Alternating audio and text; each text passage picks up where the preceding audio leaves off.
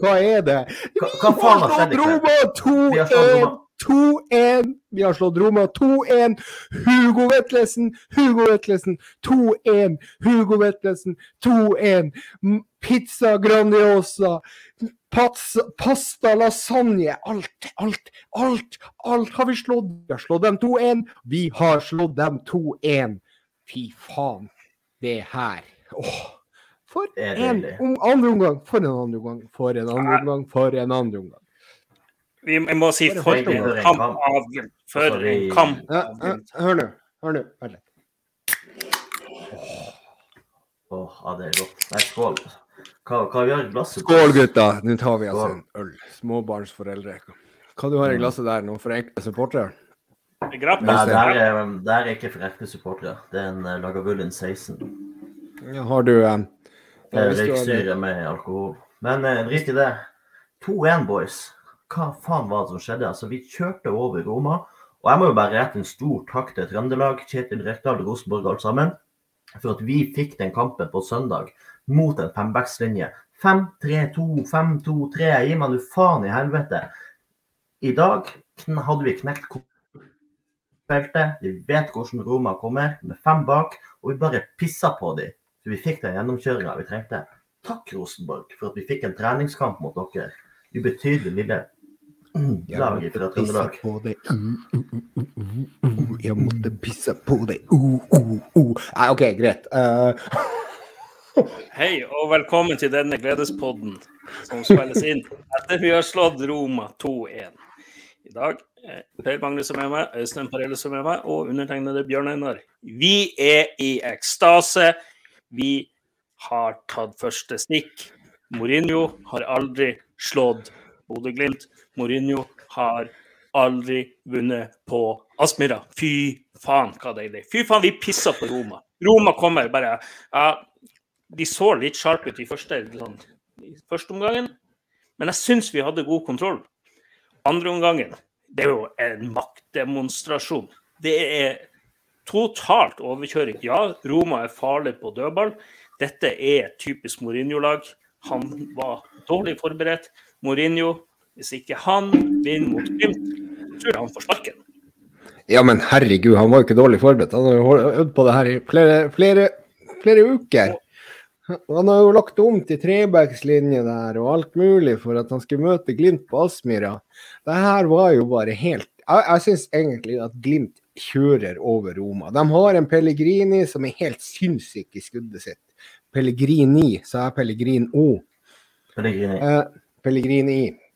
Eh, og, og der har de egentlig spisskompetansen sin. Han spissen Tammy Abraham til 400 millioner norske kroner.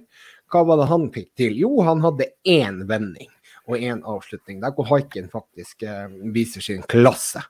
Eh, men eh, det her, det her.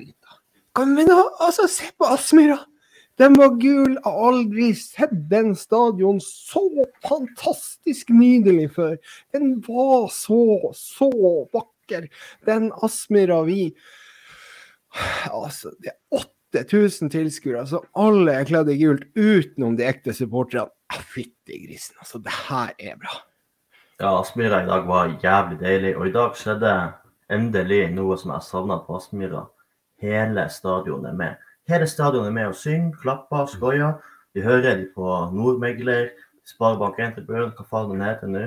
De prøver å dra i gang 'Dette er Aspmyra', Bodø-Glimt, klapp, klapp, klapp, venner for livet. Og J-feltet står på hele kampen gjennom, drar stadion med seg inn i synginga. Og jeg er så sjalu på de som var på kamp i dag. Men jeg skal på Stadio Olympico, og det kan bli fette artig, gutta. Fette artig. Dæven, det kan bli deilig, det. Hæ?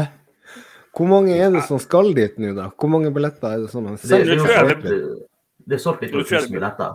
Og det går det sikkert flere. 2000 til. Folk blir gå mann av huset. Folk blir faen meg ro til Roma. Ja. Det her var enormt, gutter. Det her var det, det er sånn I dag så funka det. Og vet du hva? I dag funka egentlig det meste. Var det noe som ikke fungerte i dag? Nei, jeg, jeg- vi skåra et mål. Ja, men OK, jeg var litt sånn skeptisk til bussen, men samtidig. De skåra ett mål. Og det er sånn det kommer på en enorm prestasjon. Og det er sånn Ja, OK, man kan Vi står litt på hælene. Men, men ellers så er det sånn Jeg syns vi spiller en sinnssykt god kamp. og det er sånn Elias Hagen var enorm. Bris Wembangomo var enorm. Stopperne var enorm. Ja, Samsted hadde ikke sin beste kamp, men han spiller jevnt over godt. Har et par ballmist. Jeg syns Hugo gjør det han skal. Han, de, de, passer på. Jeg syns Runar Espejord spiller en av sine beste kamper. Pellegrino prøver, han er litt sånn. Han har målgivende. Og så er det sånn Det, det, eh, det som skjer med Komson, gutta Komson, vi, må, vi, kommer til å snakke mye om Komson. Altså, han så ut som han hadde litt sånn, mangla litt startkast, men, men dæven når han kom i gang. Fy, Nei, altså, altså, Konsum hadde ett steinmottak helt i starten, og etter det så var han jo helt fantastisk. Altså, der har du Altså, jeg savna ikke Solbakken i det hele tatt i dag. Jeg, jeg gjorde ikke det. Eh, bare for å trekke, frem han. Eh, og i tillegg så, så, har du jo også Bris eh, som gjør en strålende kamp. Han har eh, en litt luggete start der hvor han mister på en ball, men resten sitter som fiskeri hvis du skal eh, si som, eh, som han i SF-poden har lært oss. Han ser ikke Ødegaard som sier det, og det kan jo godt hende han blir å si mye fiskeri på søndag hvis vi møter opp sånn her.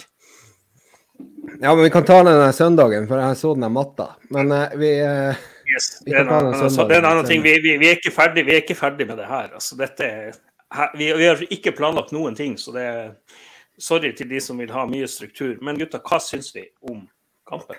Sånn. Altså, det, det, er en perfekt gjennomført kamp, synes jeg. Altså, vi, vi tar tak i kampen, kjører ball, spiller blindfotball.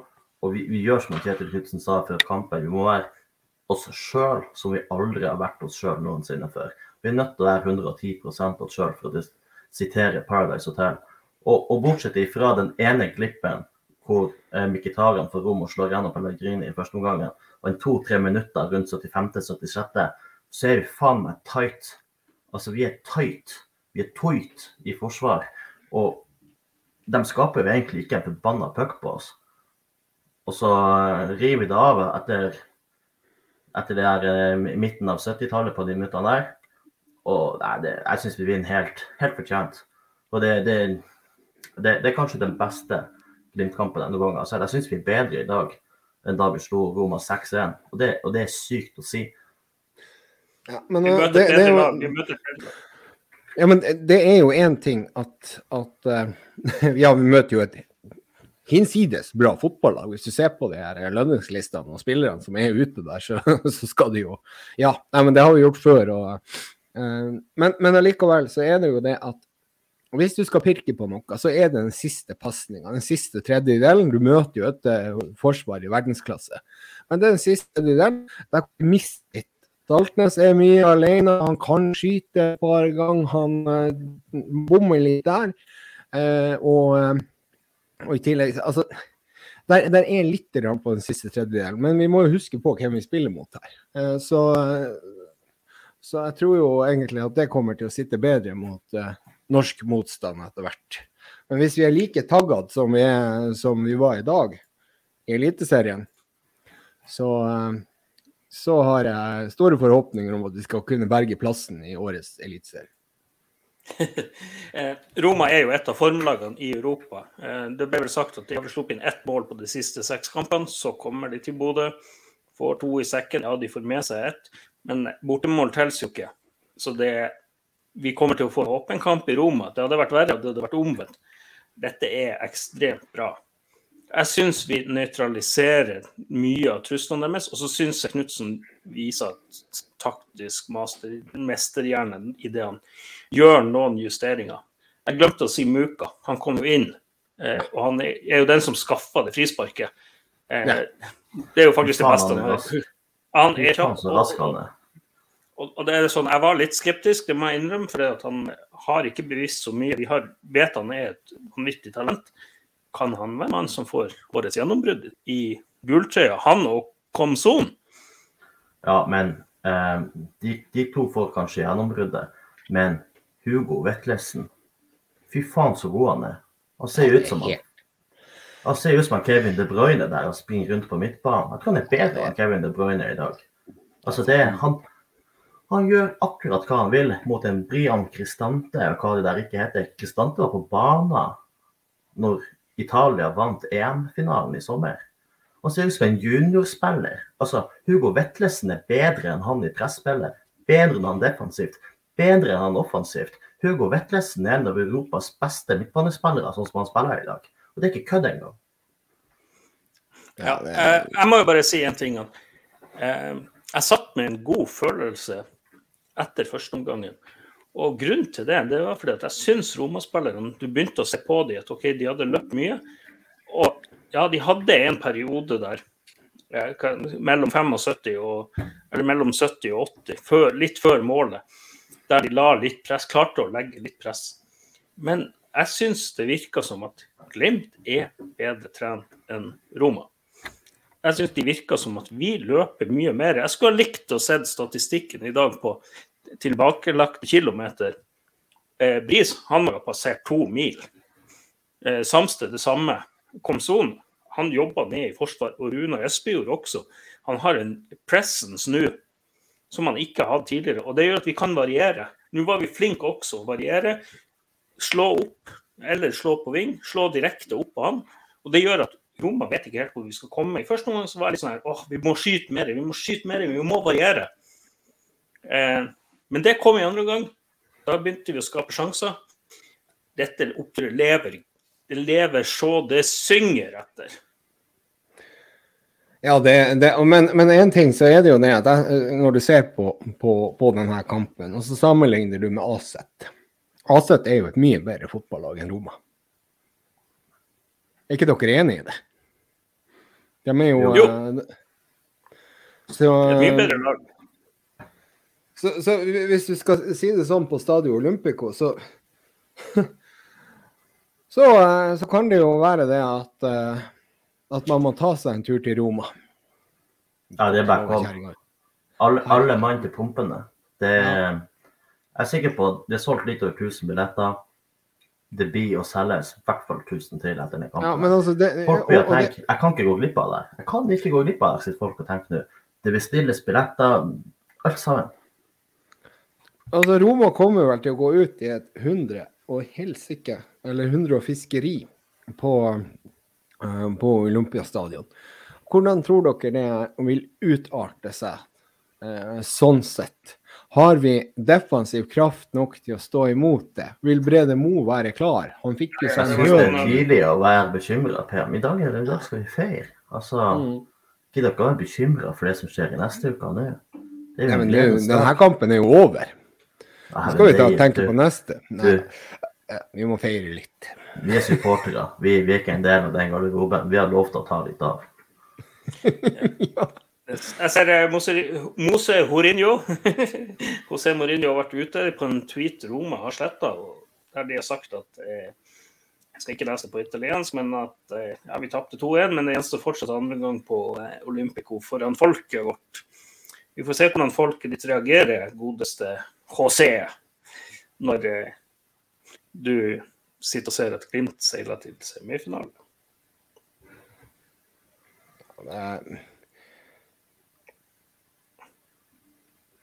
Er det noe eh, andre? Er det kommet noe Vi har noe liksom Jeg syns jo dette er et sånn lite statement eh, også til Fotball-Norge. Liksom. Nå var det sånn at Rosenborg-fansen var høyt oppe. Det var mange som var høyt oppe, og Glimt nå, ha-ha, nå går det nedover. Det gjør det faen ikke det går oppover. Det går fortsatt oppover. Vi skal til Rana, holdt jeg på å si. Det skal du faktisk òg. Det har vært trekning i cupen i dag. Vi skal til Rana og Tirana. Tenk på det. Det, det, det må jo være noe ordspill her, da. Ja, nei, men det, det, er klart at, at, at, um, at nå er det da den kampen på Olympiastadion vi skal igjennom først. og Mourinho har jo helt rett. Det er første omgang, så vi må ikke ta helt av. Vi skal bare ta én slurk øl til. Sånn. Skål. Skål, ja. Skål. Uh, men um, uh, så er det jo Altså hva, altså, det laget som, som, som, Roma stilte med i dag, hvordan kan vi sammenligne det med det laget vi møtte på Olympiastadion?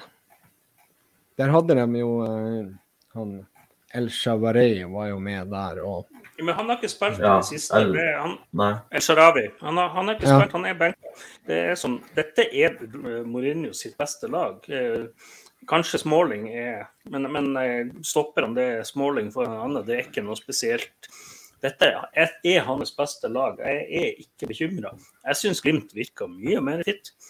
Og det som er, nå fikk Roma seg en liten nesestyver. Glimt, for Glimt så er jo det her en vitamininnsprøytning også. Her, her får vi Ja, vi går, ligger under. Glimt viser igjen den mentale styrken de har. Får et mål imot. Vi går hen, bare snur kampen. Det, det er jo selvfølgelig, Jeg skulle jo helst ha sett at Roma ikke fikk det målet, men det er en sterk prestasjon. Og så liksom bare fortsette. Ikke bli nervøs, fortsette spillet sitt. Fortsette det der med å tørre å spille vår fotball. For det var det vi gjorde. Ja, Det vi vi var Vi var tru, vi var tru mot oss sjøl hele kampen igjennom. Um, jeg ser um, Jeg kan jo ta et tidlig spørsmål her fra Remi Kristiansen på, uh, på Twitter, som sier at backspillet er det viktigste for Bodø-Glimt offensivt. Når Bris og Alfons og lager en evig umulig. Tanker om Ja, det? det er jo Altså, Alfons har jo tatt enorme steg offensivt i vinter. Han er jo med på det meste der. Og eh, avslutter, legger inn. Han kommer til å få bøttevis med målgivende i år. I tillegg til å ha Bris en toppkamp. Jeg tror nesten var bedre enn hva den var på Celtic Park eh, i dag. Han treffer på pasningene plutselig. Han, eh, han har fine driv. Han eh, vinner ballen i viktige situasjoner. Det samme som Samsted også gjør. Samsted har én feil som jeg klarer å se i hele kampen. Eh, og Bris har én, som jeg også klarer, å huske. Og det er helt riktig som han sier, at backspillet er jo kanskje det viktigste for oss offensivt. At vi klarer å bidra med den overlappen på begge sider nå, da. Så eh, når den ene går opp, så holder du jo den andre igjen. ikke det sånn det foregår der på, på banen? Jo, men, men det jeg syns er interessant i, i andre omgangen, ser dere hvor mye smalere Bris og Samsted er i andre omgangen. Sånn at de tar det rommet hvor indreløperne lå mer i første omgangen, så går indreløperne litt høyere og litt bredere og er, og er mer i støtte rundt, eh, rundt vingene der ute eh, på, på kant. Mens, mens eh, backene ligger litt smalt inn i banen, oppe i mellomrommet der, og, og blir vendepunktene. Og det, det, det, det syns jeg så mange ganger at, at Samsted ligger, ligger smalt opp der Hugo vanligvis ville ligget. Så vandrer Hugo litt friere og er med opp rundt Konsum og, og også Muka når han kommer inn. Um, jeg vet ikke om dere la merke til, til den detaljen i, i backspillet i andre gangen. Jo, eh, og så er det litt sånn eh, Det jeg ser med backspillet her, det er det at det Roma eh, klarer ikke å løse det. Det frigjør plass til eh, til eh, å, Hagen også, som gjør det at Hagen blir mye mer fri.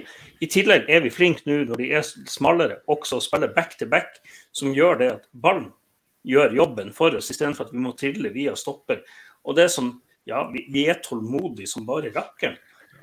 Eh, jeg syns dette er eh, Ja, vi var gode mot Aset, eh, men Aset var mye farligere enn Roma. Jeg satt med en følelse på det. At at dette er ikke kjempefarlig lag. De, det som de har noe individuell eller kapasitet for å kunne avgjøre dette, kunne skåre et mål. Men som lag Roma er jo ikke et lag. Og nå skal vi huske at vi skal til Olympiastadion. De skal spille foran sitt folk, som Mourinho, sier. Eh, og det er sånn, Vi kan ligge her nå og ta litt imot før vi kjører hardt på dem og gjør dem litt frustrert. Eh, Du så jo De begynte jo å rulle der litt på 1-1 og var egentlig litt sånn fornøyd med det.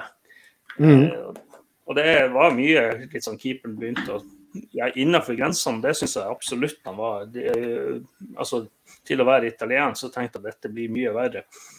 Men, men eh, vi slapp jævla godt fra det her. Det var ingen skader. Ja, Mo fikk seg lårhøne. Den er litt eh, massasje og eh, Der så er den klar. Men ellers er det sånn, vi kommer så billig fra det her. Og så har vi en kamp imellom. Vi skal bort til Sandefjord. Men så er det også noen ja, det er ganske god tid. Jeg vet ikke hva planene til Glimt er, men jeg regner med at de neppe reiser På hytta igjen. Ja, jeg regner med at de neppe reiser tilbake til Bodø. Regner med at de kanskje reiser, reiser ned til Spania eller til Italia og trener. Det går det i hvert fall ikke an å trene i Sandefjord hvis du ser på den matta som eh, presterte å eh, ødelegge enda mer i forhold til den kvinnekampen. Men, én en ting jeg skulle bare si om Du nevnte Hagen, og så har jeg fått inn spørsmål på Messenger faktisk fra Raymond Engmark. Han har jo en veldig eh, Han er god, eh, god fotballhjerne. Han sier legg merke til hvor sinnssykt lite Hagen løper seg fri når vi spiller oss ut. Natt og dag kontra Berg. Jeg skal la dere få lov å tygge litt på den. Ja, det der kom han jo med etter eh, Rosenborg-kampen. Og da kan jeg jo bare si at uh, i dag Hagen har svart på tiltale. Altså Nei, Hagen men i han kom med det viser klokka 22.34, så det var i dag, det. ja, Da syns jeg han kan sette seg ned og se kampen i opptaket. For jeg, jeg er enig, han, han, var, han var litt statisk, og det var vanskelig å finne han mot Rosenborg. Men i dag jeg syns han, han er, er flink å evaluere seg. Jeg syns han er, er veldig spillbar. Jeg syns han gjør konstruktive valg med ballen. Jeg, jeg, jeg skjønner ikke den kritikken av Hagen i dag. Det må jeg innrømme. det, må jeg være helt enig i. Jeg syns Hagen gjør mye bra i dag. Han, jeg tror han har én ballmist der som var litt sånn spooky, men, men ellers så syns jeg han gjør en, en strålende kamp. og Jeg syns han, han vokser mye. Eh, Ja, Rosenborg-kampen var ikke hans beste. Men Rosenborg er litt- veldig klar over Rosenborg er veldig klar over han. Eh, Roma var nok sikkert det, det, det de også, men jeg synes det vi nevnte med bekkene, at vi torde mye mer i, i dag. Du så Roma prøvde seg på samme taktikk som det Aset gjorde med å ta bris.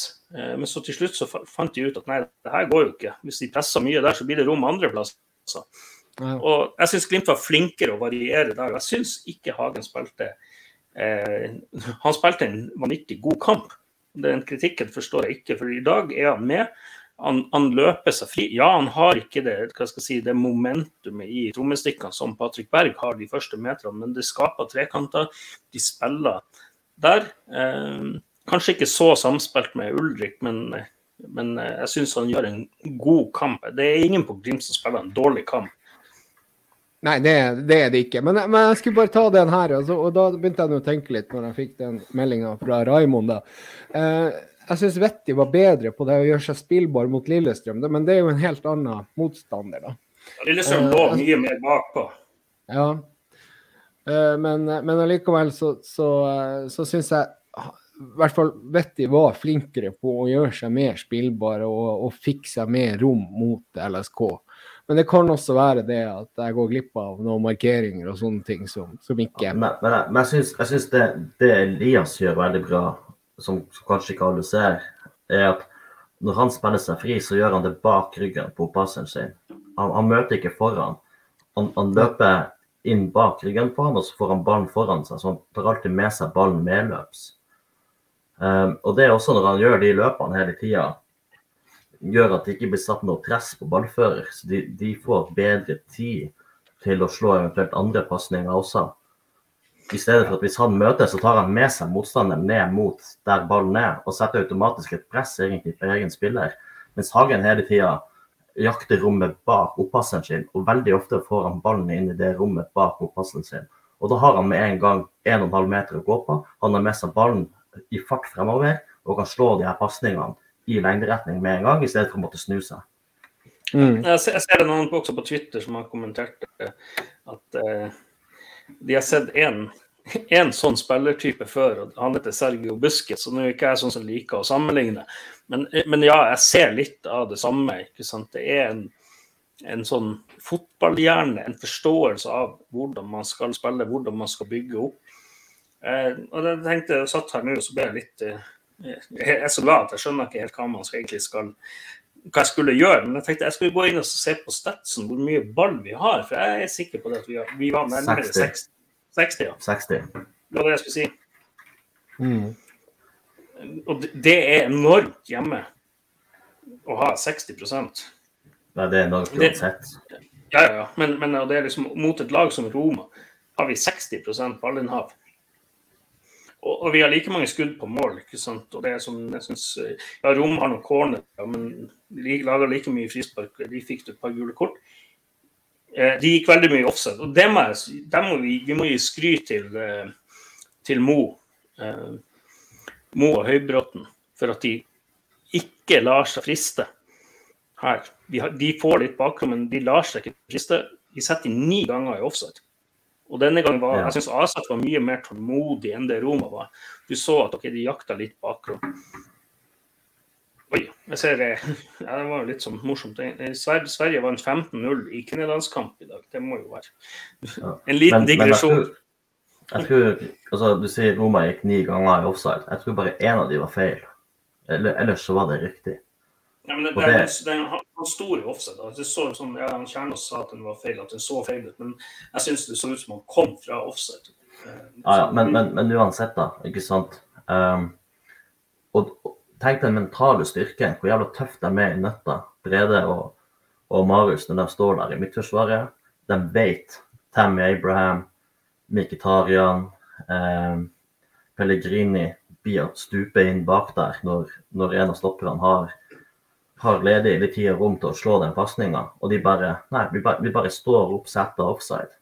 Det, det, det er faen meg tøft gjort, for det er så lett å bare falle av der og, og ta et løpe, men de er, de er faen meg iskalde. Det er høyt internasjonalt nivå å bare sette offside og bare ha full kontroll. Mm. Ja, for et stopperpar. Eh, eh, det, jeg syns eh, Som sagt, alle gjør det. det. Er ingenting å sette fingeren på her i dag. Det eneste jeg kunne, Hvis jeg skal sette fingeren på noe, så er det det jeg skrev i pausen. Vi må tørre å skyte med. Sartnes hadde en der han omtrent sto to minutter på. Det føltes som to minutter på eh, Når han sto ute på 16-meteren og ikke bare og jeg bare, Det er bare å bruke tåa. Gjør som Håvard Sakariassen, bruk den berømte tåa, sånn at en ball går i det fuckings målet. En, en helt enorm kamp, egentlig, av alle kampene. Alt. Eh, all honnør til, til Glimt eh, og trenerteamet og spillere. Ja, det, men eh, altså sant. Jeg vil liksom litt, litt tilbake igjen til det publikummet vi opplever. Og, og det her er jo noe som vi må oppleve igjen. Det er 8000 Hva, hva det var totale tilskuertallet? Er det, det kommer noe offisielt? Er, er det ny rekord på, på nye Aspmyra? Um, Slo, slo vi den landslagskampen mot uh, Island? Jeg, jeg, jeg syns ikke antallet er så jævlig viktig. Jeg har lyst til å skryte kvaliteten på de som Ja, hadde. kvaliteten på tilskuerne. Var Jeg tror, jeg tror vi må tilbake til, til kampen mot Odd, kvalikkampen mot Odd 2007. For Ja. å huske sist gang at det var kok på hele Aspmyra, hvor hele stadion var med, sånn som Hele selvfølgelig stadion var på, gul. på 6-1-kampen også for så vidt mot Roma, men det opplevdes som at det, det blitt mer allment akseptert å synge og klappe og hoie og rope på Aspmyra, og det digger jeg, det elsker jeg. At det er mer liv på stadion, og at den vanlige mannen i gata, og ikke kun bare i J-feltet, går litt bananas på Aspmyra. Det er helt lov, det er helt greit. Jeg står jo og roper og skriker i egen stue i Tromsø. Da kan du gjøre det på Aspmyra òg. Det, det er litt sånn jeg er, er veldig enig der. og det er litt sånn at Jeg ser, så han eh, godeste Erlend Osen som har fått litt sånn kritikk, kan man vel si det, etter, etter Rosenborg-kampen. At ja, publikumsoppvarmer og alt det der. Det, det er noe Glimt har hatt. De hadde det med han, han halvbroren til han Mini før han Bjørn Olav Illassen. Det har nå vært flere som har vært eh, innpiskere, holdt jeg på å si. Eh, og jeg tror det er mange som egentlig trenger et sånn lite tupp i ræva for at de skal synge. og så er sånn All honnør til det J-feltet har gjort, og det størrelsen det er blitt. Ja. Men, men det er sånn Ja, ja. Så er det kanskje noen som syns det er kleint, og det, og det er sånn, men nå i dag så var hele stadion med. Jeg satt hjemme i stua her utenfor Oslo og liksom jeg kunne høre nesten brølet helt hit. Klart Det kan jo være at jeg får noen naboklager fordi det var, var mye jubel. Men, men det, det, er, det er fantastisk. Så all honnør til alle som var på Aspmyra. Det er ingen nevnt, ingen glemt. Men, men de som møtte opp i dag, gjør en ja, Det gjør så godt å se. og det er som, Jeg tror jo det at det er når Aspmyra liksom ja, mana inn den 2-1-skåringa der Du får et sånt jubelbryst. Det er åh, ja, det er deilig. den trykkes også inn av eh, det, det, er nesten som den blåser inn av publikum, den der fra Hugo Vetlesen. Men det er, det er altså så fantastisk. Altså, jeg har jo sagt det tidligere, at Hugo har vel kanskje vært en av de som han har eh, likt som person, likt som spiller, og nå leverer han faktisk på alle parameter. Så uh, Hugo Vetlesen, altså. For en, for en spiller og for en person. Og her, eh, hvis vi skal kåre noe eh, banens beste her, så går den prisen til han uten tvil. Eh, ja, det gjør den. Eh, og eh, i hvert fall fra min side. Ja, nei, det er vanskelig å være uenig. Og jeg syns i dag så beviser han uh, Hugo det, det jeg har sagt i hele vinter. Nå gjør han drittjobben han Sondre Fet alltid har gjort. Og så er han så teknisk overlegen i tillegg. Altså, Han er blitt en komplett indreløper, han Hugo. Og, og der har han virkelig tatt store steg. Ja, nei, det, det, er litt sånn, Jeg må bare føye meg inn i den rekka her. Men det er litt sånn Skal vi ta Vi kan, vi kan si Tammy Abraham han kosta 400 millioner. Skal vi ta litt med Glimt sitt lag, da? Vi har en Nikita ja. Haikin som vi henta inn i mål. Som en, han ble henta inn som en andrekeeper for Ricardo Friedrich. Vi har en Bris Wembangomo på venstreback, som kom på free transfer nå i vinter. Vi har en Marius Høybråten som kom på free transfer. Brede gjorde han det, da? Ja. Jeg tror han kosta 500 000, men vi så jo Vegard Bergan for en million, så du kan si ja, vi han. Vi gikk, da, da gikk vi jo pluss og vel så det, og det er jo litt kvalitetsforskjell. Eh, Brede Moe han har nå vært i siden 20 Ja, han kom, han kom jo fra, på lån fra Rosenborg, og så ble han jo ja. kjøpt da for en billig penge. Men det er sånn ca. 35 år siden. Eh, så, så den, den, er avskrevet. Ja. ja, Brede kom på lån i 2014 og har vært i Glimt etter det. Ja, ja. Det står det overgangssum der i det hele tatt? Um, nei, men jeg antar han var billig. Ja. Eh, også Alfons Samsted han kom fra det ukjente, vært litt i, i Sverige og lånt hit og dit, og vært på utlån, utlån til noen islandske klubber i hjemlandet der. Ja, og ag til og med agenten hans hadde ikke tro på han, han Stig Torbjørnsen. Ja, han slik og ingenting. Ja, og det er sånn Stig Torbjørnsen, du er, det, han er talentspeider. Der. Um, og så har vi på, på midtbanen Elias Hagen kom fra Grorud. Det tror jeg det kosta rundt en mill. Der omkring. Ja, det gjorde han. Ja. Ja, en ja. solid uh, pengesum, det. Ja, ja solid pengesum. Uh, så har vi Hugo Vetlesen, han er vel den dyreste. Ja, der er vel fem millioner kroner. Nei, var det mindre? Jeg tror det var mindre. Nei, um, jeg mener at det var uh, fire og en halv, så han har vel delt uh, Glimts dyreste spiller noensinne med Per Werner Rønning. Ja, Var ikke Per Werner på fem millioner? Ja, da, da er Per Werner fortsatt den dyreste. Ja. ja per, per Werner må jo være den dyreste hvis du regner i 19 pil og bue-kroner råd, altså. Jo, jo, selvfølgelig. Ja, men nå må du huske på at det var jo Men han er det i nominelle kroner òg, faktisk. Det var jo norsk fotballs gullalder da visakortene og makspåkortene gikk varme. Når de sto med visakort på flyplassen. Ernst. Eh, så har du Ulrik Saltnes som, som ja, Så har du Ulrik Saltnes som ja, skulle til København da studere.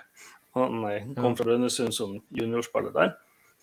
Eh, Komson var storkjøpet vårt i fjor, og han kosta vel en, rundt 2,5-3 millioner. Ja, Var det så mye? Jeg hørte én mil der, men uh, OK. Nei, det var, uh, kan, kan, godt være, men det, det kan være en litt sånn sign-on fee og diverse. Og... Ja, Runar Espejord han kosta en plass mellom 2,5 og 3 millioner. Han hadde et halvt år igjen. Eh, og Pellegrino kom på fri transfer. Ja. Mm. Men, eh, og så kommer Boniface inn. Boniface kom inn. Han måtte jo betale noe sånn utdanningskompensasjon, tror jeg, for, til noe sånn akademi. Eh, Muka kom for jeg tror det var rundt én, og den pakken kan jo vokse litt større, tror jeg. Det, det er sånn eh, Vi kosta akillesen til vi, vi, det Laget til Glimt kosta like mye som akillesen til Tammy Abraham. Eh, Mourinho, han, Mourinho får jo en årslønn som er en månedslønn som er høyere enn eh, en kjøpsummen til Glimt. Men Jeg må, jeg må, når vi snakker om Tam Abraham og Killisen hans Han er bare en shit Runar Espejord. Det er det han er, Ja. Abraham er. Altså, Espejord i dag Vi har snakka mye om han Hugo og Hagen og Bris og Samsted. Alle sammen gjør fantastiske kamper. Men jeg syns i dag det er I dag ser vi hva som bor i Runar Espejord. Han er enorm i pressespillet. Han er enorm i oppspillsfasen. Han er god med ballen i beina på små flater. Og det er synd at han er litt sein inn på bakerste stolpe der i første omgang, da Hugo slår over. Eller slår imellom eh, stoppere og, og målet. Men eh, jeg syns i dag Runar Espejord gjør en fantastisk kamp. Og han gjør alt for oss som Mourinho vil at Abraham skal gjøre for Roma, men ikke klarer. Ja, og så er det jo eh, Mancini røyk ut med skade. Var det noen som klarte å få med seg hva som egentlig skjedde der? Nei, han takla jo han Pelle. Hadde jo klart eh, Hvis du kjører på en politibil, så skal det gjøre litt vondt. Ikke sant? Men, men så, så det alvorlig ut? Ja, Itali italienere er ikke så lett å bedømme.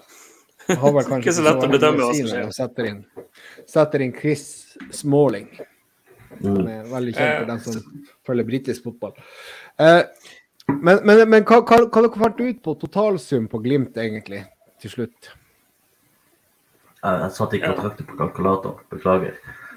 Eh, Men det er under ti mil. eh, Ja, det er under 10 mil. Det er rundt ti, Men, rundt ti eh, mil, da.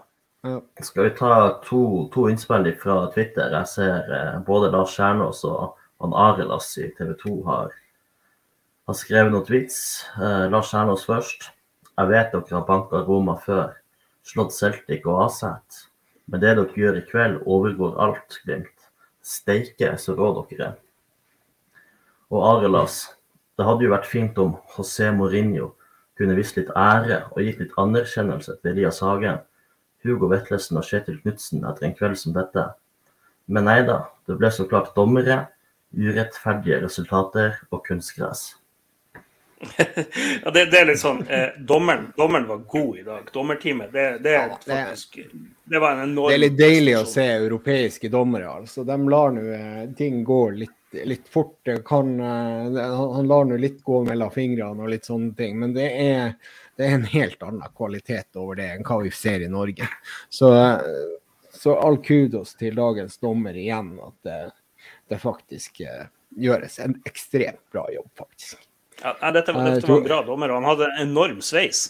Enorm sveis på ham. Han var litt sånn som deg hvis du tar og kjøper en, en hel, bruker en hel tube Ketzy. Ja, men eh, og, og Var det tilfeldig, eller var det, var det, var det sånn det skulle være? Det håret Det må jo være. Nei, det, det er en enorm, enorm prestasjon av dommer. For at han har lagt håret akkurat sånn som han vil. Det er millimeterpresisjon, men han får det til å se tilfeldig ut. Det er topp europeisk snitt over det, Det er topp europeisk snitt. Men hva, hva med Boniface sin space? Der er det jo også eh, egentlig Jeg tror det er verdensklasse. Ja, altså hvis, hvis du på, på fotballkortet eller på Fifa har en stat på haircut, så er det 99. Altså Boniface, det er, det er full pupp.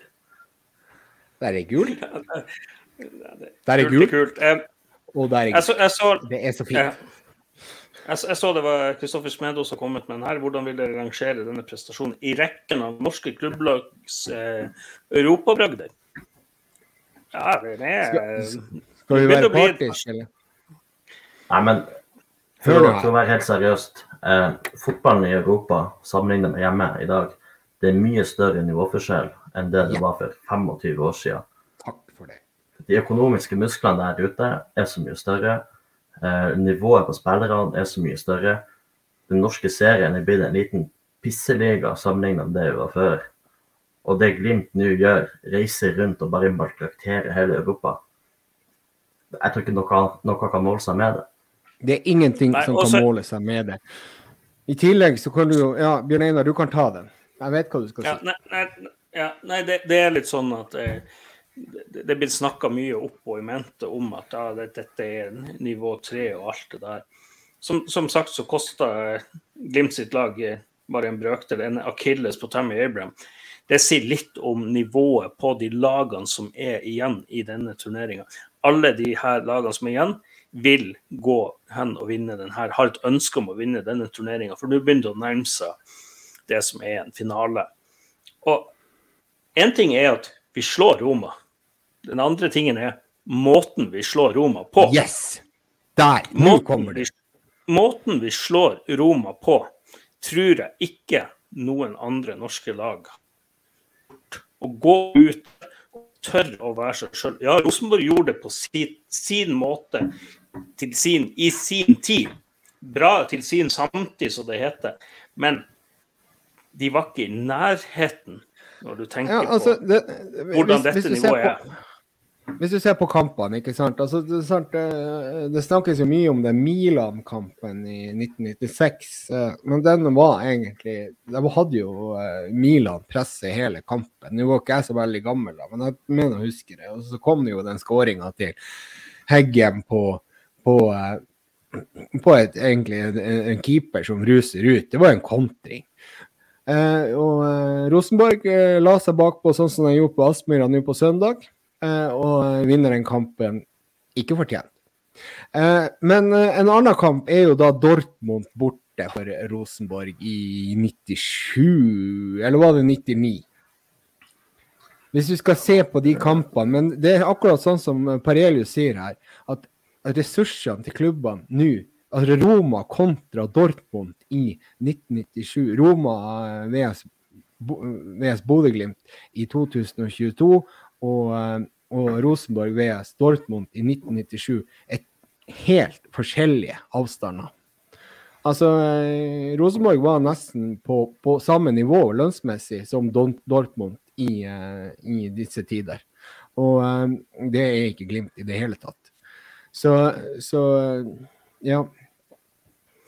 ja også et, et, annet viktig aspekt i det her, at Rosenborg var en dominerende lag over så lang periode at de kunne hente de beste spillerne og bygge lag ut ifra det.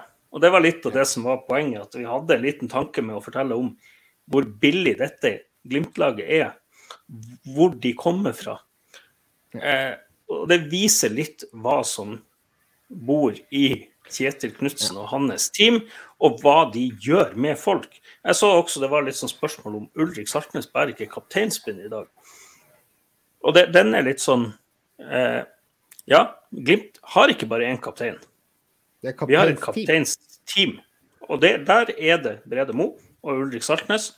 Og så er Alfons Samsted visekaptein. De eh, deler på oppgaven, og derfor så var det Det hadde ingenting med at Ulrik hadde en kjenning å gjøre. Det hadde ikke noe med altså en kjenning i leggen, som de sier. Det, det, han kjenner ingen der. Men jeg skal til litt, litt tilbake igjen til det som du sier, Bjørn Einar. For det at det er et par andre aspekter som gjorde at Rosenborg fikk en litt lettere vei også inn i Champions League. Én var jo det at du faktisk Altså, det var muligheter for å komme seg til gruppespillet da. Og grunnen til det, det var jo også det at landslaget gjorde det veldig bra på 90-tallet. Det betyr at uh, vi var jo høyt renka i de europeiske turné... Altså med poeng. Noe vi ikke nå. Derfor så var det også bare én kvalikrunde og så klarte Rosenborg da å, eh, å, å komme seg inn til uh, på eh, eh, Altså inn ved hjelp av en kvalikrunde. Samtidig så, så, var det jo det at de fikk ekstremt mye penger for det her. Og da var de i posisjon til å kjøpe alle de spillerne som de ville ha i Norge, og alle spillerne ville gå til Rosenborg. Så, så, så, så det det bare bunner og grunner i at det her er absolutt Du føler at jeg er også objektiv eh, på det.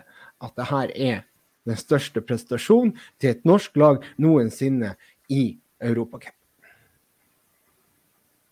Ja, det er vanskelig å være uenig. Bjørn Einar, du viste oss noe interessant på telefonen din. Kan du, kan du si hva det er for noe? Yes.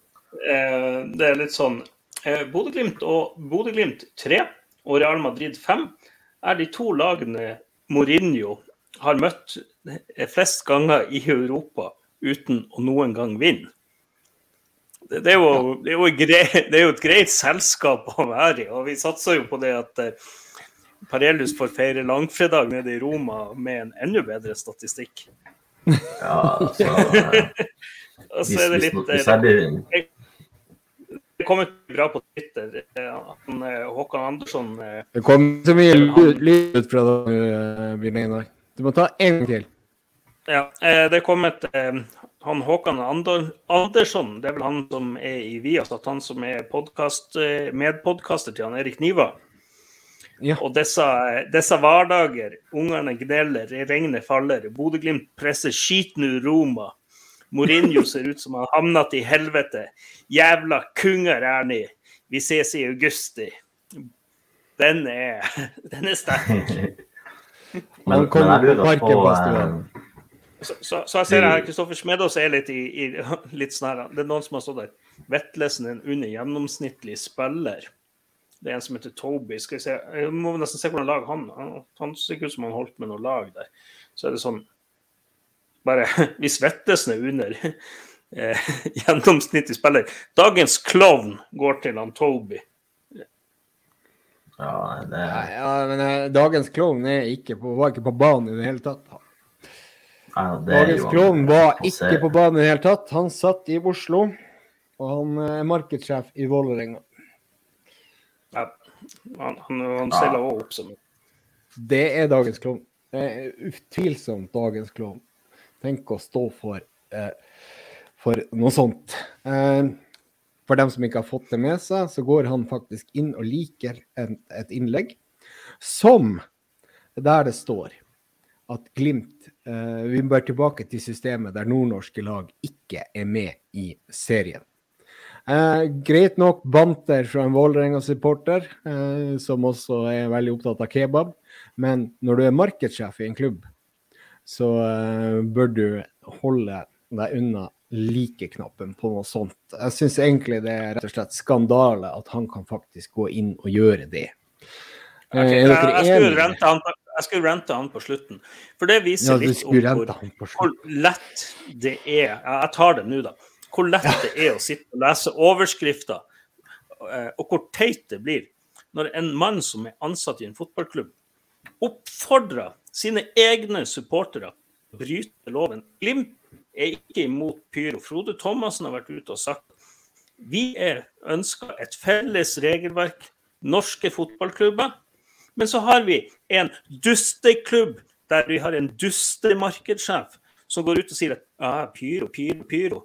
Så er det sånn Er det fotballen eller er det pyro? Trekker pyro mer folk til tribuner? Jeg stiller meg meget skeptisk til å stå og fyre bluss midt blant folk når de skårer eller spiller uavgjort mot Lillestrøm eller klarer å ja, ta ei finte. At det er det som trekker mer folk. Det er ikke der problemet ligger, din løkrull. Det, problemet her er det at norske klubber jobber for å få et felles regelverk som gjør at man kan ha forsvarlig blussing. Eh, og grunnen til dette, at Glimt faktisk har utestengt noen, det er jo fordi at det var et banner som holdt på å ta fyr og sette på folk, fyr på folk og fe. Og det, det, det, det er jo det siste vi trenger. Rosenborg-fansen gikk ut her og sa buhu, stakkars Åsje, lell, politiet kom her. Politiet ja, de kom der fordi at dere fyrte masse bluss og holdt på å sette fyr på dere. Og det er jo det siste vi trenger. At dere blir færre. For det er jo faen ikke Det er jo så mye tomme plastsetter på denne stadion deres. Dere klarer ikke å fylle den. Så dere fyrer på hverandre. Eh, dagens kaktus, og det begynner å bli noen av de der. Ja, det, det, det, det, er ikke, aktuelt for meg. Jeg har snudd helt under pyrosaken. Jeg er fullstendig imot det, for jeg orker ikke mer. Jeg er så dritta lei, det sa jeg forrige sending òg. Jeg er så møkke lei de her, de her som er bare opptatt av den pyroen. Jeg er så møkke lei av at norske klubber skal liksom stå og forsvare det her gjenget her som går med 1600 grader i nebben sin og vifter med den. Jeg tar jo Hvem er det som altså, Jeg kan ikke ta med dattera mi på, på, på, fem år på, på, på stadion. Det, det, kan ikke jeg gjøre hvis, hvis, det er fare for at det, at det kan ta fyr.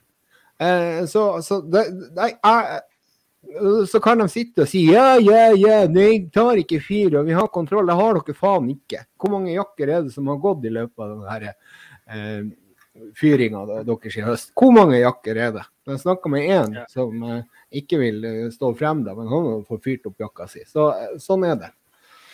Ja, og så er det sånn bare til slutt her, så, sånn, så kommer de med sånne, sånne, regler, og det er litt sånn Ja, jeg sier ikke at Glimt gjør alt rett. Det finnes sikkert mange ting de kan ta på det der. Men én ting er litt sånn ah, Glimt er for var. Glimt er for var. Det er kapteinen deres òg. Ta nå angrep han. Jonan Torstensen. Sto der. Vi må ha var i Eliteserien. Sto han senest i fjor høst her og sa når de hadde fått en avgjørelse imot seg. Så til Vålerenga, markedssjefen og Vålerenga-supporterne, ta dere en stor bolle Neste gang så leser dere ikke bare overskriften, hele saken. Og så tenker dere, hvis dere kan. Hvis ikke, så la være. Fortsett sånn. Men jeg tror ikke den veien, løypa dere kjører nå, er den rette løypa. Yes, skal vi ta gå over til noe positivt her, da? Ja, vi må gjøre det. Ja, OK, greit. ja, den er fin. Hva, hva, er det du viser her, Bjørn Einar? Du må lese høyt. Jeg klarer ikke å se, jeg har ikke brillene på. Ja. Eh, ah, vi, vi, det er jo ikke pod uten at vi nevner Frankie Baris. Ja, ok. Ja, hva Frankie Baris? Hva Frankie Baris? Hva Frankie Baris? Ja. ja. Han skriver Frank Amundsen er ute og sier det, om noen lurte. Jeg tok av meg ti sekunder før 2-1. Det var Baris Power som tok Glimt til seier. Så kommer Ada Krutnes inn og kommenterer her. Nevø 14 år. Det står en fyr i Baris tante. Hvorfor gjør han det? Eh, nei, det står en fyr i Baris tante. Ja, det er bare han Frank. Nevø, hvorfor gjør han det? Eh, fordi da vinner vi. Nevø, tøft. ja, men jeg, Frank har jo reagert på at det er bare snakk om han eh, og Baris, men det syns jeg egentlig er fortjent. Ja, han har gjort seg fremst det. Jeg ser også Lars Sivertsen sier uh, Roma getting a taste of the sausage water here. Ja, og det, det, vi, det, har jeg lyst til å gi skryt av. Altså, det, det, her er min type humor. Her er humor. ja, det, men altså, det er litt sånn eh, det, er litt sånn, sånn skal vi nordlendinger være. litt sånn, Vi, vi er ikke noe særlig selvhøytidelige og liksom er opptatt av at det er liksom skal være en bab på kampdag, eller at det skal være Nei, Og følge reglene til, eh, til rett og slett ja, sosialklientene i Oslo. Ja. Hvor mye mer ja. Hvor my mye mer morsomt er dette, og hvor mye folk blir ikke nysgjerrig på fotball? Så en liten oppfordring til andre klubber er å lage pølsevann. Og så Jeg så jo en ny variant i Mjøndalen, det er synd vi ikke skal dit i år. De har noe som de kaller pølse i bløyte, der de putter pølse i brød.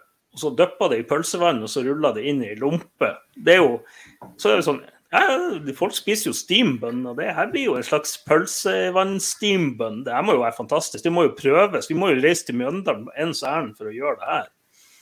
Så Nei, men, til men, men all ære til guttene som har satt i gang det her. Og jeg, jeg vet Det var Daniel han het.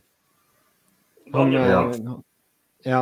Uh, og jeg vet jo også det at uh, det er jo det her fantastiske gjengen. Og dem har jeg lyst til å gi et liten skryt. Her har du et gjeng som ikke lager noe bråk. De uh, reiser rundt på kamp og er helt fantastiske supportere. Og det er det gjenget med Jonas Klingan, Fredrik Hoseth, Fredrik Norvik og, og flere, som er dedikerte Glimt-supportere, som faktisk reiser rundt overalt Fredrik eh, eh, Hoseth er, er, reiser fra Oslo opp til, opp til Aspmyra. Og han eh, der, der, har du ordentlig, ordentlig gjeng. De lager ikke noe bråk. De er ikke opptatt av å slåss. De støtter klubben sin. Uh, vet, vet, dere hvem han Morten Stokstad er, gutta? Jepp. Yes. Ja. Har dere sett hva han lova på Twitter før kampen? Nei. Jeg så litt av det, men du kan jo fortelle. Ja, Morten Stokstad er vel eh, mediekommunikasjonsansvarlig i Lillestrøm SK. Og han har sagt eh, hvis Bodø-Glimt slår Roma i kveld, skal jeg synge 'Kjærlighetsvisa' av Halvdan Sivertsen før jeg intervjuer Tom Petterson på Vippen i forkant av Lillestrøm Jerv på søndag. Nei, på lørdag. Åh, det gleder vi oss til. Tror du hvor mye kritikk han blir å få? ja. Men, men hvis, hvis, du sliter med teksten på kjærlighetsvisa, så kan vi også en, en veldig enkel og fin eh, Hartan Sivertsen-sang vi har fått hørt på både bortekampene og hjemmekampene i Europa i år. Ja. Venner, den er jo åh. Og den, og den roma skikkelig Joma utover stadion. Det er vakkert. Det var vakkert i dag, og det var vakkert med 'dæven, det er deilig', det her. Og det var vakkert med, med egentlig det som, eh, det som skjedde på Aspmyra i dag. Åh, jeg, jeg, må se den kampen på nytt igjen nå. Ja, det er jo litt sånn. Og så ser jeg Karina Langås har vært inne her og skrevet at hun, hun, begynner å tenke at å slå ut Viking av cupen kan da ikke bli så vanskelig, og det er litt skummelt. Ja, å, du, oi, oi, oi, oi. eh, jeg tror det sitter Felten sitter vel kanskje litt nervøs nå etter å se kamp i dag. Nei, altså, altså, det her med Viking, det blir noe helt annet. Der har de jo eh, De kommer til å, eh, til å mure igjen, og de kommer til å satse på kontringer. De er ikke hodeløse. De er bra fotballag som det her cupfinalen tar jeg ikke for gitt. Eh, det gjør jeg ikke. Den kampen skal spilles, og det kommer til å bli en knallhard match mot Viking, hvis jeg skal si midt på den. Vet om Berisha. Å, oh, fy fader. Fyttefiskeri. Men uh, Det er en annen kamp, det er en annen kamp, så ser jeg det er kommet det er en til den her. Det er, det er litt sånn Hva hører Jon Arne Riise i studio? Ja, det er liksom fælt å høre på han. Vet du hva? Så lenge Glimt vinner, så kan de ha hvem faen de vil i studio. De, han er jo tidligere Roma-spiller, og det er litt sånn han og Henning Berg de, de er jo ikke, han, Henning Berg er jo ikke en munter mann, da. Han er, ser jo ut som han har solgt smør uten å få betalt for det. Ja, men det har han vel kanskje også. Men allikevel så er det jo det som irriterer meg grenseløst, og det er det eneste som jeg har å si. Jo, jeg har flere ting å si. Men det her, eh, den her uh, Bodø Altså, Henning Berg, han sier konstant Bodø. Og så får han litt irettesettelser, så klarer han å komme seg inn på, på kjøl. Men, men nå må vi slutte med det der. Vi heter Glimt, eller så heter vi Bodø-Glimt. Ferdig med det. Sånn. Jeg syns det var mye negativt på en sånn gledens dag. Ja, ja, men vi må ta det negative òg. Men så har du også da Jon Arne Riise og den dialekta hans. Fytti grisen, altså. Det her er Det er så Hvor er det vi Altså, hvorfor skal vi begynne å kødde med altså, Sunnmørsdialekt er faktisk en fin dialekt. Hvorfor skal, du, hvorfor skal du ødelegge den med noe sånne østlendingsgreier? Jeg syns det er terningkast én, og verre enn det. Jon Arne Riise, nå må du ta deg sammen. Det, her, det her, er grusomt å høre på. Nå, nu, nu, altså, du har gjort mye dumt, men det her med å skifte dialekt, det syns jeg faktisk er helt borti natta. Eh, kanskje noe av det verste. Eh, så, så ta, nu, ta, deg sammen og, og få tilbake sunnmøringen i deg. Kanskje du må være i Ålesund i et par uker og prøve å få den tilbake igjen. For det her går ikke an. Skjending. Jeg ser eh, Einar Tørnquist har vært på Twitter og sagt at Glimt har faktisk skåra ti ganger mot Mourinho nå på et lite halvår. Den er jo Ja, det, det er sterkt. Er det noen um, andre?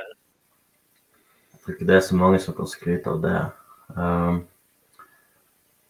se, satt med og lette etter litt uh, reaksjoner på Twitter. Og mens vi gjør det, så kan jeg jo spørre. Jeg prøvde å, å, å ta det opp sist podkast. Det, det å legge seg med med fem bak etter vi så Rosenborg-kampen, vil, vil, det bli den nye medisinen på, på å møte Glimt? Eller motbeviser vi i dag at fem bak, tre bak, da kan noe si vi, vi klarer å bryte ned allikevel? Har vi knekt den koden Med? Ja, altså det, det, er jo Det er klart at, at, det er større sjanse hvis du legger deg med, med ti mann bak. Men eh, eh altså vi er knekt og knekt. Uh, jeg syns vi spiller bra fotball. og vi, vi, Hvis vi hadde klart å få til den siste, siste, bevegelsen der, så det kan jo si det sånn at den er jo i hvert fall delvis knekt. Den var jo ikke så bra mot Rosenborg, så jeg vet ikke. Uh, men Ja, men, men jeg syns det trekker med at både Bris og Samsted legger seg smalere og på en måte tar plassen til indreløperne, så indreløperne blir mer fri og frank i, i det offensive spillet eh, ga oss en ny dimensjon. Jeg vet ikke om, om det har noe å si at man får skapa overtall der ute på sida når, når indreløperne kommer, kommer, opp der i, i lag med vingen. Mm. Samtidig som at inn, samtidig som wingbackene er spillbare inne sentralt. Ja, nei, men altså, sant, det her er noe som Jeg tror jo også, som de sa i Avisa Nordland sitt, uh, sin ja, pod. Uh, at eh, at det kommer til å bedre seg. Samspillet kommer til å, til å sitte bedre. Og, eh, og eh, dermed så vil vi løse det her med fembacksrekke også utover, eh, kanskje allerede i, i april. Eh, men men, men, en annen ting. Jeg skal bare spørre dere hva dere mener om hva dere syns om den podkasten til Avisa Nordland kontra Studio Glimt. Jeg savner Studio Glimt, jeg. Jeg gjør det. Jeg, jeg elsker det egentlig, det konseptet. Jeg kommer, ja, ikke langt nok, jeg kommer ikke langt nok inn i den podkasten til å kunne gi det karakter. Jeg syns det var dørgende kjedelig det første kvarteret, og så skrudde jeg av. Mens jeg syns eh, Studio Glimt etter kamp var et livlig tilskudd med, med, flotte gjester, litt humor. Eh, jeg syns det ble Jeg vet ikke, jeg syns det ble så seriøst. Det er ikke noe galt med det, jeg bare, bare traff meg ikke. Altså, seriøst er jo også bra, men Nei, men altså, Jeg syns eh, egentlig podkasten var interessant. Jeg, jeg synes jo, du, du, har jo faktisk fantastiske De har jo veldig mye informasjon. Både Stian Høgland og Freddy Thoresen har jo ekstremt mye informasjon om Glimt. De sitter jo med en bank av eh, info. Eh, og jeg syns, som en nerd der, så syns jeg det var, det var interessant. Nå gikk jeg jo tur samtidig som at jeg hørte den, så jeg måtte jo egentlig høre den. Men uh, jeg falt ikke av på den måten. Men uh, det er noe helt annet konsept enn Studio Glimt. Jeg, jeg synes egentlig etter kamper så har jeg en tradisjon for å se Studio Glimt, og den mangler vi etter Rosenborg-kampen. Selv om Altså, det, det, det, vil jeg se. Jeg vil ha det tilbake igjen. Jeg, jeg er liksom kanskje den gamle skolen. Men um, om de hadde gjort det sånn at uh, de hadde tatt opp stu eh, studiosendinga og, og, uh, og, rett og slett lagt den, lagt den ut som en pod etterpå, det så jeg at det var, var et forslag på Twitter. og det syns jeg kanskje høres ut som en veldig god idé. Så, så, så, så, det er nå egentlig det jeg tenker. At jeg vil ha tilbake Studio Glimt. Jeg syns jo Studio Glimt er litt sånn eh, Etter en kamp så er jeg såpass eh, interessert og engasjert. Jeg tror at alle, som hører på denne podkasten, merker og det er, det, det er sånn vi har behov for å snakke om det, liksom. uansett om det går dårlig eller bra. og Det, er, det er mye glede og, eh, man får av hverandre og feirer suksesser sammen. Og så er det sånn at man kan være mye trøst å få etter Rosenborg-kampen og bare få det ut. Jeg, jeg gikk inn til denne kampen. Jeg har ikke vært nervøs i det hele tatt i dag. Det kan være at det har vært eh, ja, litt mye å gjøre på jobb og en sjuk unge etter hvert og litt sånne ting, og mye brannmann sammen på TV, men jeg, jeg, jeg, det var sånn jeg, Nervøs ble jeg 21.01. Ja, men samtidig og så er det sånn at Dette er jo desserten, og det er sånn, og Glimt de forsyner seg jaggu meg av denne buffeen. De, og de gir oss så mye. Altså, jeg må, jeg skrytepublikum. Jeg ser nå at Marius Høybråten har vært og sagt det. Jeg har aldri opplevd sånn liv på Aspmyra før. Nei, men det tror jeg ikke han opplevde andre steder heller.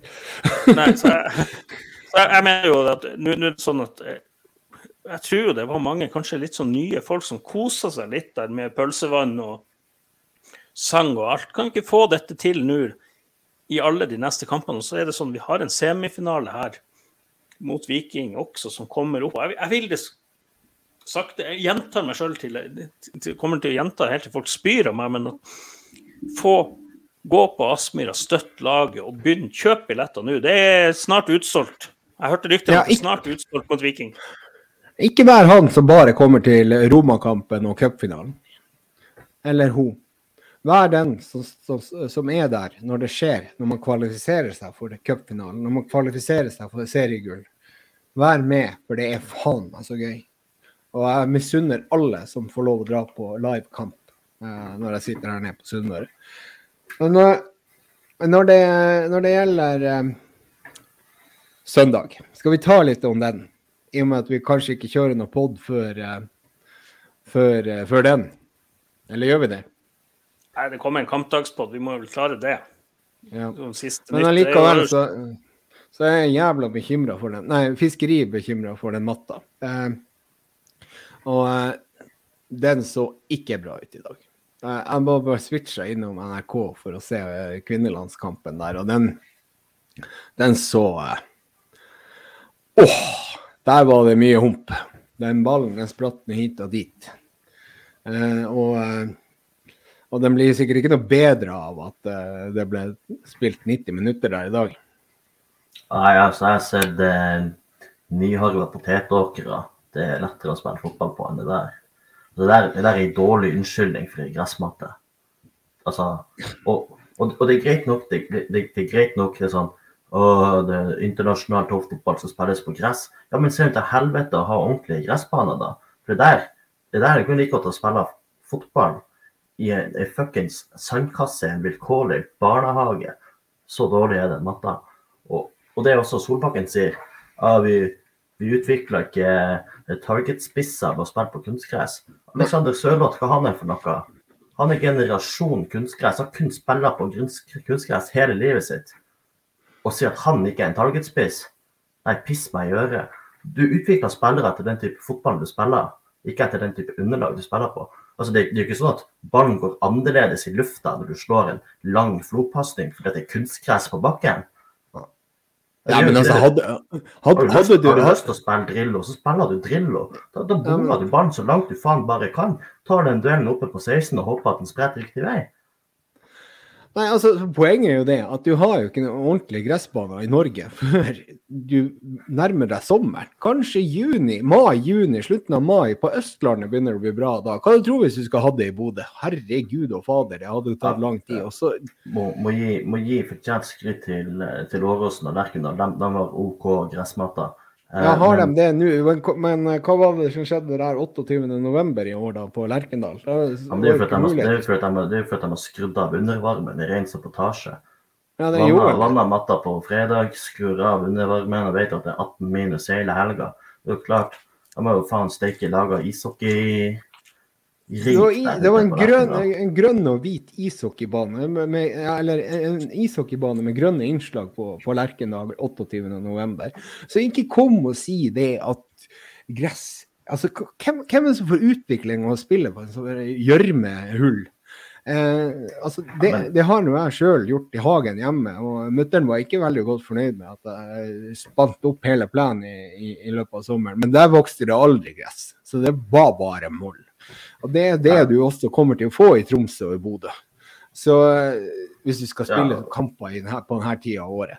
Så tydeligvis i Sandefjord også. Og Ja, i Sandefjord, så- Nadderud er ikke noe bedre, det kan jeg Nei. ikke garantere. For det er søppel av en gressmatte.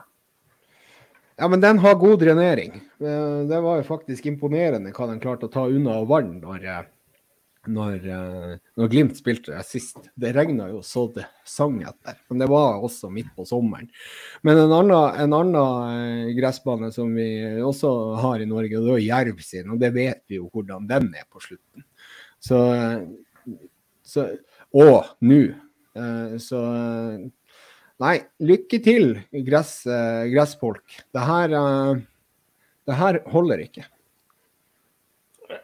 Ja, det kan jeg også ta. Når vi hadde seriestart i mai, da var ikke gressbanene klar da heller. Jeg husker jo det. 1. mai ikke sant, på Meløs i 1995. Den Meløsbanen var jo bare moll. Meløs er i Moss. Det er på Østlandet. Eh, der skal det jo normalt sett være sommer litt tidligere enn i Nord-Norge. Men det, det, det, holder ikke. Det går ikke. Går, du kan ikke gjennomføre en serie. Da må du ha serie fra slutten av mai til, til, til slutten av september. Eh, og så skal du prøve å presse alle kampene innenfor der. Lykke til med det. Og prøv å bli mer internasjonal av det. Liten så eh, Glimt har vært og tvitra at hjemme, det var, hjemmesida var nede. Jeg satser på det er så mange som skal kjøpe billett til bortemøte mot Roma, som her spontant i, i gledesrus. Ja, Ja, så for må de, av, eh, for de av våre venner som ikke kommer inn på glimt.no, kan jeg si at det du gjør du har lyst på en billett borte mot Roma, du sender en e-post til billett.glimt.no. Du skriver fullt navn på den eller de som skal ha billett, og hvor mange billetter du skal ha. Og Det er viktig at navnet er helt likt det som står på passet ditt.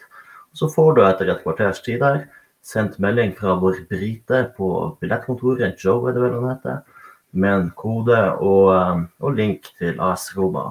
Så ikke vent på Glimt sine hjemmesider. Send en e-post i kveld til billett.glimt.no. det var dagens reklame. Det hørtes ut som det var veldig bra, det der. Men Har vi noe mer på agendaen før vi eh, runder av? Er det noe eh, er det noe spa spanende som vi har lyst til å ta opp? Jeg har noe sikkert glemt Jo, jeg kan ta opp én ting, men jeg vet ikke om det passer seg nå. Men jeg kom på det. Altså, det her med, med stadion og eh, Snart 8000 nå. Vi har 8000 seter der nå. Så tips til Glimt der. Eh, det vil jo være tider der hvor eh, den stadion ikke vil bli fylt opp, den nye stadion.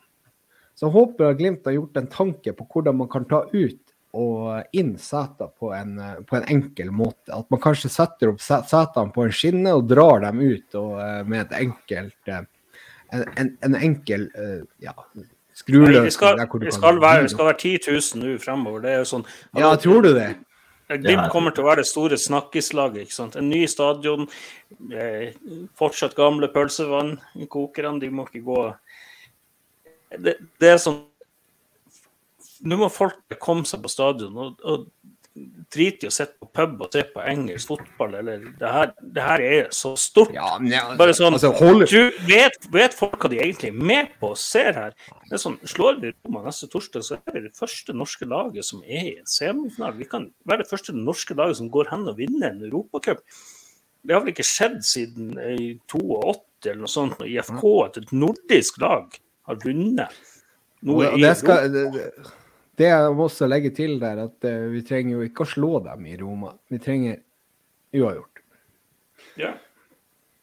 Uh, men, men allikevel så ser jeg Jørn plutselig dukka opp her. Han er ikke, i, ikke i poden, men han er på Twitter og lurer på liksom, hvor tomt det føles i stadion. Vet du hva, Vi har aldri vært så høyt oppe, Jørn. Aldri vært så høyt oppe. Vet du hva, det her det er pur gledesrus. Ja, jeg, tok, jeg tok med en to-tre ekstra personligheter, så det, det er fullt nok i studio. Men um, ja, eh, da, da, tror jeg også, ifølge Bjørn Einar, så kommer vi tilbake med en kampdagspod eh, på søndag eh, før Sandefjord borte. Og så kan vi også legge til da at vi er ikke bare å høre på Spotify, vi er også over uh, alt utenom er vi Jeg tror ikke vi er på, på Apple eh, podkast. Det er vel der den siste, siste, greia som skal ut der. Så den er jeg ikke helt sikker på at vi har klart å få til ennå. Um, så, så, det er alle muligheter for å høre på oss andre steder enn Spotify. Ja, jeg nevnte jo bare sånn innledningsvis at vi, vi blir satt opp mot Rana i første runde i cupen 2022. Ja. Så i mai skal det hende at vi skal både til Tirana og til Rana. Tirana. Tirana og Tirana. Det blir bra. Samarbeidsklubb. Det er samarbeidsklubb. Det er jo greit at Glimt går ned der. Jeg har spilt fotball i Rana sjøl, og det var ikke akkurat kjempegod kunstgress. Jeg håper de har bedre Det var sånn ordentlig filtmatte, så jeg håper de har bedre, bedre kunstgress der enn det det er det det var da, og det det kanskje var i Stordalen. Ja, men det der, det der har de kontroll på, vet du. Nå har de, nå har de fått avtale med Glimt og alt mulig, så i Rana så, så har de de har steinkontroll. De har det. Så ja. Er det noe mer dere har lyst til å legge til? Jeg har jo prøvd å avslutte her nå. Jeg har en toåring som tydeligvis ikke syns at det er gøy å sove. ja, nei, eh, det er vel ikke så mye Jeg ser SF-podden har meldt Jeg tror ikke verden har sett et mål etter en mer typisk prisavslutning noen gang. Fantastisk. Rett i ræva. Det ble vel kreditert Saltnes, det gikk vel i skinka hans.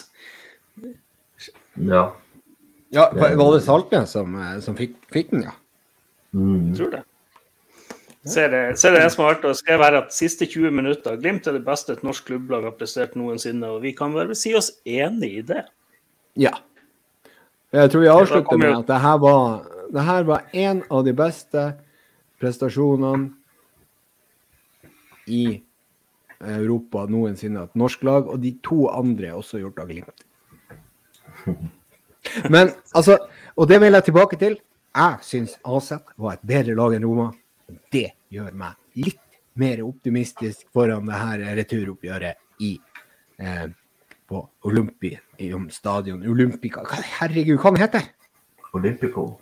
Olympico. Stadio di Olympico.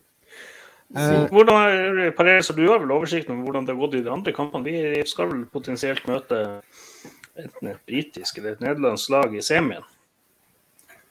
Vi ser Conference League, eh, Feyenoord, Slavia Praha 3-3.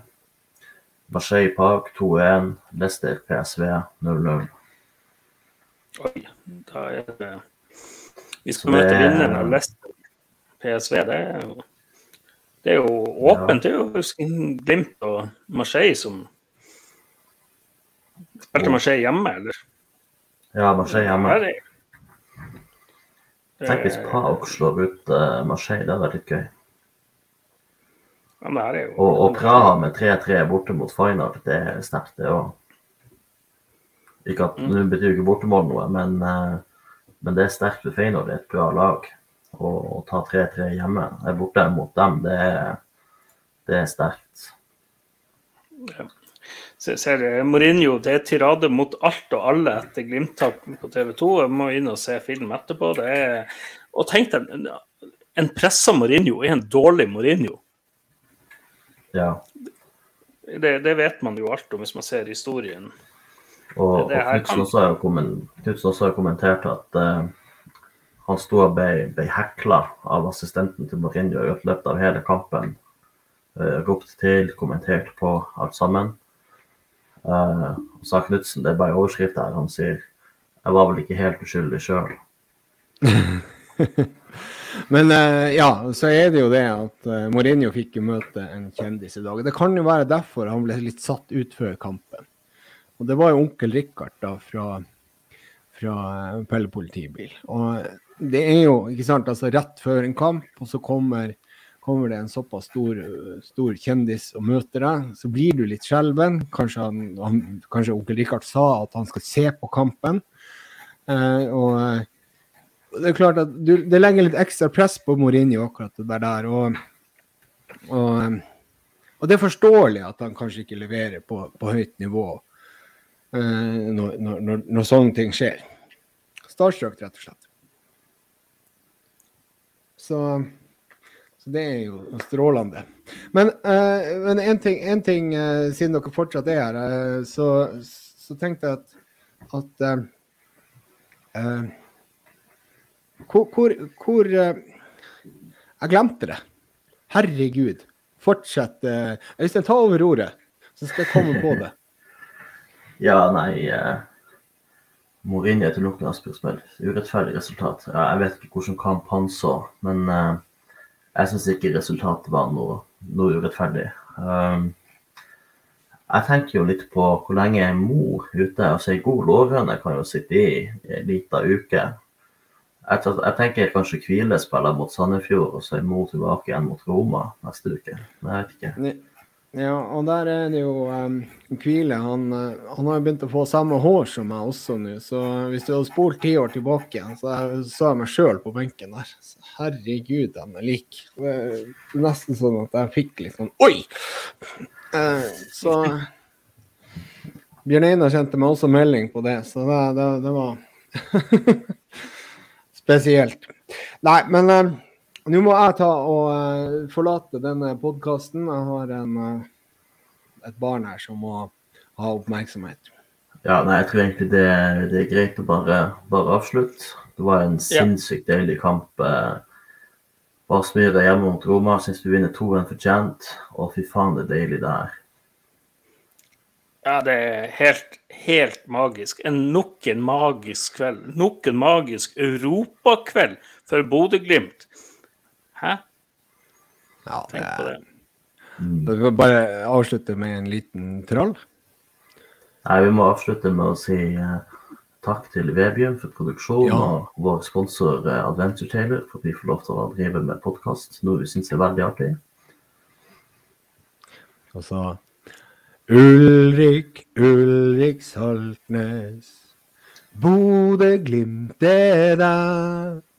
Du tar oss med til Roma igjen. Er det rart vi elsker deg? Ulrik, Ulrik Saltnes. Gode Gyntere. Du tok oss med til Roma i kveld. Er det rart vi elsker deg?